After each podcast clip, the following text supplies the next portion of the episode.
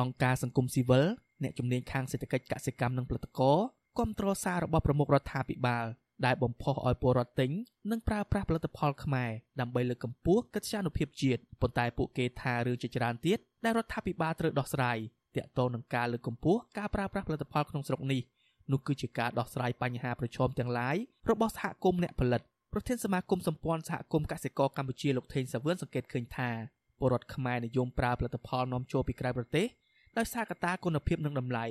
លើកលែងតែផលិតផលកសិកម្មមួយចេញដែលលោកមើលឃើញថាពលរដ្ឋបានងាកមកប្រើផលិតផលក្នុងស្រុកច្រើនដោយសារតែបារម្ភពីផលប៉ះពាល់ផ្នែកសុខភាពលោកគូបញ្ជាក់ថាដើម្បីលើកកម្ពស់ការប្រើប្រាស់ផលិតផលក្នុងស្រុករដ្ឋាភិបាលត្រូវដោះស្រាយបញ្ហាមួយចំនួនទៀតដែលតាក់ទងគ្នាមានជាអាចការរកទីផ្សារជូនអ្នកផលិត ការគ្រប់គ្រងផ្នែកហិរញ្ញវត្ថុនិងបច្ចេកទេសដល់ពួកគាត់និងរកវិធីទប់ស្កាត់ការហូរចូលទំនិញពីបរទេសជាដើម។ ផលិតផលកសិកម្មឬក៏ផលិតផលពីបរទេសបានវាយលុកច្រើនមកលើទីផ្សារនៅក្នុងប្រទេសកម្ពុជាស្ទើរតែទៅដល់ទាំងជនបទនិងស្រុកស្រែចម្ការអញ្ចឹងយើងទាមទារឲ្យមានការរៀបចំដែលស្វាហាប់បន្ថែមទៀតទាំងធនធានមនុស្សធនធានថវិកាហើយនិងបច្ចេកទេសនិងការបដិញ្ញាចិត្តខ្ពស់ពីសំណាក់អាជ្ញាធរការដឹកនាំហើយនិងការចូលរួមបន្ថែមដោយការបដូរអេយ៉ាប័តរបស់ជាពលរដ្ឋខ្មែរផងដែរបាទការលើកឡើងរបស់មន្ត្រីអង្គការសង្គមស៊ីវិលរូបនេះ ធ្វើឡើងក្នុងឱកាសទិវាជាតិលើកកម្ពស់ការប្រើប្រាស់ផលិតផលខ្មែរលើកទី4ឆ្នាំ2021ក្រោមផលិតផលរួមគ្នាទិញនិងប្រើប្រាស់ផលិតផលខ្មែរគឺរួមគ្នាលើកកម្ពស់កិត្យានុភាពជាតិទិវានេះត្រូវបានរៀបចំឡើងដើម្បីបំផុសនិងលើកទឹកចិត្តដល់ពលរដ្ឋទាំងអស់ឲ្យបន្តគ្រប់គ្រងនិងយកចិត្តទុកដាក់ក្នុងការលើកកម្ពស់ផលិតផលក្នុងស្រុកដែលជាការរួមចំណែកដល់ការអភិវឌ្ឍនិងការរីកចម្រើននៃសង្គមជាតិប៉ុន្តែដោយសារតែការរីកត្បាតនៃជំងឺ Covid-19 កម្មវិធីដែលត្រូវធ្វើនៅថ្ងៃទី9ខែមេសាខាងមុខនេះ មិនអាចរៀបចំដោយផ្ទាល់នៅតាមទីសាធារណៈនោះទេទោះជាយ៉ាងនេះក្តីលោកនាយករដ្ឋមន្ត្រីហ៊ុនសែនបានចេញលិខិតអបអរសាទរទិវានេះដោយភ្ជាប់ជាមួយនឹងសារអំពាវនាវចំនួន5ចំណុចលោកអំពាវនាវឲ្យស្ថាប័នពាក់ព័ន្ធឲ្យបន្តសហការគ្នាលើកកម្ពស់ការប្រើប្រាស់និងការយល់ដឹងឲ្យបានទូលំទូលាយពីគុណភាពផលិតផលខ្មែរដោយនាំគ្នាផ្ដល់ជំនាញនានាដល់ផលិតករលើដំណើរការចង្វាក់ផលិតកម្មការពង្រឹងគុណភាពសុវត្ថិភាពផលិត ការកែច្នៃនិងការវេចខ្ចប់ជាដើម។ ក្រៅពីនេះលោកណែនាំឲ្យស្ថាប័នពាក់ព័ន្ធសហការជាមួយនឹងវិស័យឯកជនរៀបចំទីផ្សារតាមបច្ចេកវិទ្យាអនឡាញជាមួយនឹងផលិតផលខ្មែរក្នុងការដាក់លក់និងដាក់បង្ហាញក្នុងព្រឹត្តិការណ៍ពិព័រណ៍នានាទាំងក្នុងនិងក្រៅប្រទេសនិងតាមស្ថានតំណាងកម្ពុជាប្រចាំនៅបរទេសជាមួយគ្នានេះលោកបានណែនាំឲ្យស្ថាប័នពាក់ព័ន្ធបង្កើតផែនទី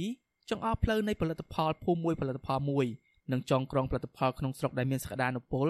ព្រមទាំងគៀកការវិនិយោគលើផលិតផលក្នុងស្រុក ស្របតាមគោលនយោបាយរបស់រដ្ឋាភិបាល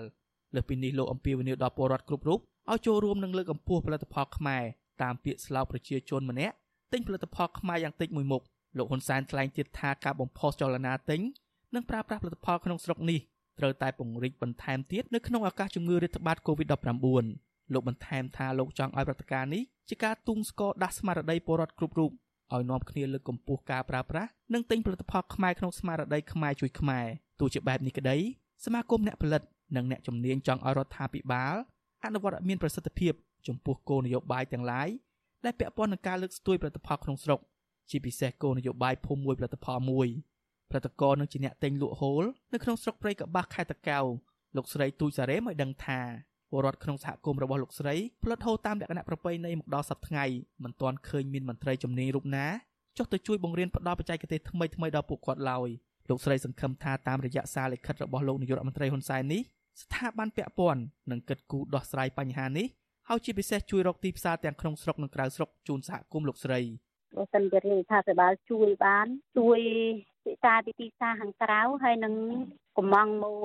ពួកសិប្បករយើងទាំងអស់នេះហើយដើម្បីឲ្យធ្វើឲ្យបាននាំចេញទៅក្រៅអានឹងបានទីផ្សារយើងវាទៅលេងណាអូនណាព្រោះឥឡូវទីផ្សារយើងជាច្រើនគឺនៅក្នុងស្រុកទេអូនអត់ទាន់បាននាំចេញទៅក្រៅទេ មិនដឹងជាពេលណាយើងបានទីផ្សារតលាយអញ្ចឹងណាអូនអាស៊ីសេរីមិនអាចតាក់ទងអគ្គលេខាធិការនៃគណៈកម្មាធិការជាតិជំរុញចលនាភូមិមួយផលិតផលមួយលោកជាសំណាងនឹងអ្នកនាំពាក្យក្រសួងពាណិជ្ជកម្មលោកសៀងថៃដើម្បីសាកសួរអំពីរឿងនេះបានទេនៅថ្ងៃទី6ខែមេសាជុំវិញរឿងនេះប្រធានគណៈកម្មាធិការនយោបាយនៃគណៈបកប្រជាធិបតេយ្យមូលដ្ឋាននិងជាអ្នកឯកទេសខាងសេដ្ឋកិច្ចកសិកម្មបណ្ឌិតយ៉ងសង្គកុមារមានប្រសាសន៍ថាការផលិតនិងការប្រើប្រាស់ផលិតផលក្នុងស្រុក ត្រូវតែដើរទន្ទឹមគ្នាលោកស្នើឲ្យរដ្ឋាភិបាលមានយន្តការនិងគោលនយោបាយច្បាស់លាស់សម្រាប់សហគមន៍អ្នកផលិតជាឧទាហរណ៍រដ្ឋាភិបាលត្រូវបង្កើនការផលិតក្នុងស្រុកចំពោះផលិតផលដែលនាំចូលច្រើនពីបរទេសបែងចែកផលិតផលពីតំបន់សម្បូរហូហៀទៅតំបន់ខ្វះខាតនិងពង្រីកទីផ្សារទៅក្រៅប្រទេសចំពោះផលិតផលណាដែលផលិតបានលើសពីតម្រូវការក្នុងស្រុកជាមួយគ្នានេះលោកថាពលរដ្ឋក៏ត្រូវងាកមកជួយទិញផលិតផលក្នុងស្រុកដែរដើម្បីគ្រប់គ្រងដល់អ្នកផលិត វាត្រូវធ្វើការបែងចែកប្រភេទនៅផលិតផលបញ្ហានៅផលិតផលតាក់ទងផលិតឬក៏តាក់ទងពាណិជ្ជកម្មឬក៏តាក់ទងដឹកជូនតាក់ទងនឹងរឿងតម្លៃឬតាក់ទងគុណភាពអីចឹងប៉ុន្តែជារួមខ្ញុំយល់ឃើញថាវាមានការខ្វះខាតទាំងអស់ហ្នឹងណាទាំងពីការផលិតក៏យើងខ្វះខាតការធ្វើពាណិជ្ជកម្មក្នុងប្រទេសក៏យើងខ្វះខាតអីចឹងណាហើយការចូលរួមចំណែកក្នុងការលើកស្ទួយផលិតផលក្នុងស្រុកក៏នៅការខ្វះខាតអញ្ចឹងវាត្រូវទៅដើរទាំងអស់គ្នាទាំងផលិតកម្មទាំងពាណិជ្ជកម្មហើយនិងទាំងការបរិភោគ រដ្ឋាភិបាលកម្ពុជាបានបង្កើតគោលនយោបាយជាតិស្តីពីការជំរុញចលនាភូមិមួយផលិតផលមួយកាលពីឆ្នាំ2016និងបន្តអនុវត្តរហូតដល់ឆ្នាំ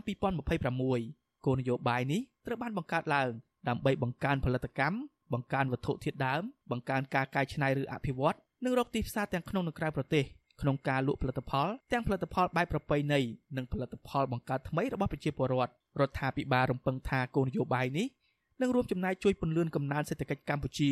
ឲ្យមានការវិវត្តលឿនទៅមុខដើម្បីសម្រេចបានឋានៈជាប្រទេសដែលមានចំណូលមធ្យមកម្រិតខ្ពស់នៅឆ្នាំ2030និងចំណូលខ្ពស់នៅឆ្នាំ2050ព្រមទាំងធានាបាននូវការអភិវឌ្ឍប្រកបដោយចីរភាពអ្វីបើនេះជាគោលនយោបាយដ៏ល្អក្តីអង្គការសង្គមស៊ីវិលនិងអ្នកជំនាញខាងសេដ្ឋកិច្ចកសិកម្មមើលឃើញថាគោលនយោបាយនេះមិនទាន់សម្រេចបានផ្លែផ្កាអ្វីជាដុំកំភួននៅឡើយទេដោយសារតែខ្វះខាតធនធានមនុស្សហិរញ្ញវត្ថុបច្ចេកទេស ជាពិសេសខ្វះខាតការអនុវត្តជាក់ស្ដែងពីស្ថាប័នពាក់ព័ន្ធពួកគាត់ស្នើឲ្យរដ្ឋាភិបាលកែលម្អចំណុចខ្វះខាតទាំងនេះដោយបន្ថែមថវិកាជាតិនិងបញ្ជូនទុនធានមនុស្សឲ្យបានច្រើនទៅជួយដល់សហគមន៍អ្នកផលិតទូទាំងប្រទេសខ្ញុំបាទជាចំណានអាស៊ីសេរីពីរដ្ឋធានី Washington